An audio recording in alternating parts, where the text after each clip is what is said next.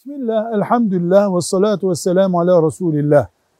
Derslerde, vaazlarda sık sık kadın kıyafeti giymesin erkek, erkek kıyafeti giymesin kadın deniyor.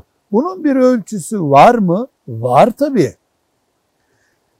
Bir mendile varıncaya kadar, koldaki saate varıncaya kadar her şey kadın için farklı üretiliyor, erkek için farklı üretiliyor.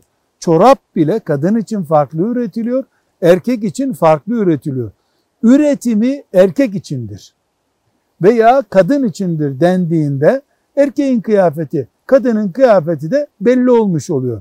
Erkek mağazalarında satılan kıyafeti kadın giydiğinde, kadın mağazasında, kadın reyonunda satılan kıyafeti erkek giydiğinde caiz olmayan bir işi yapmış olur. Saatten, çoraptan, gömlekten, cekete varıncaya kadar.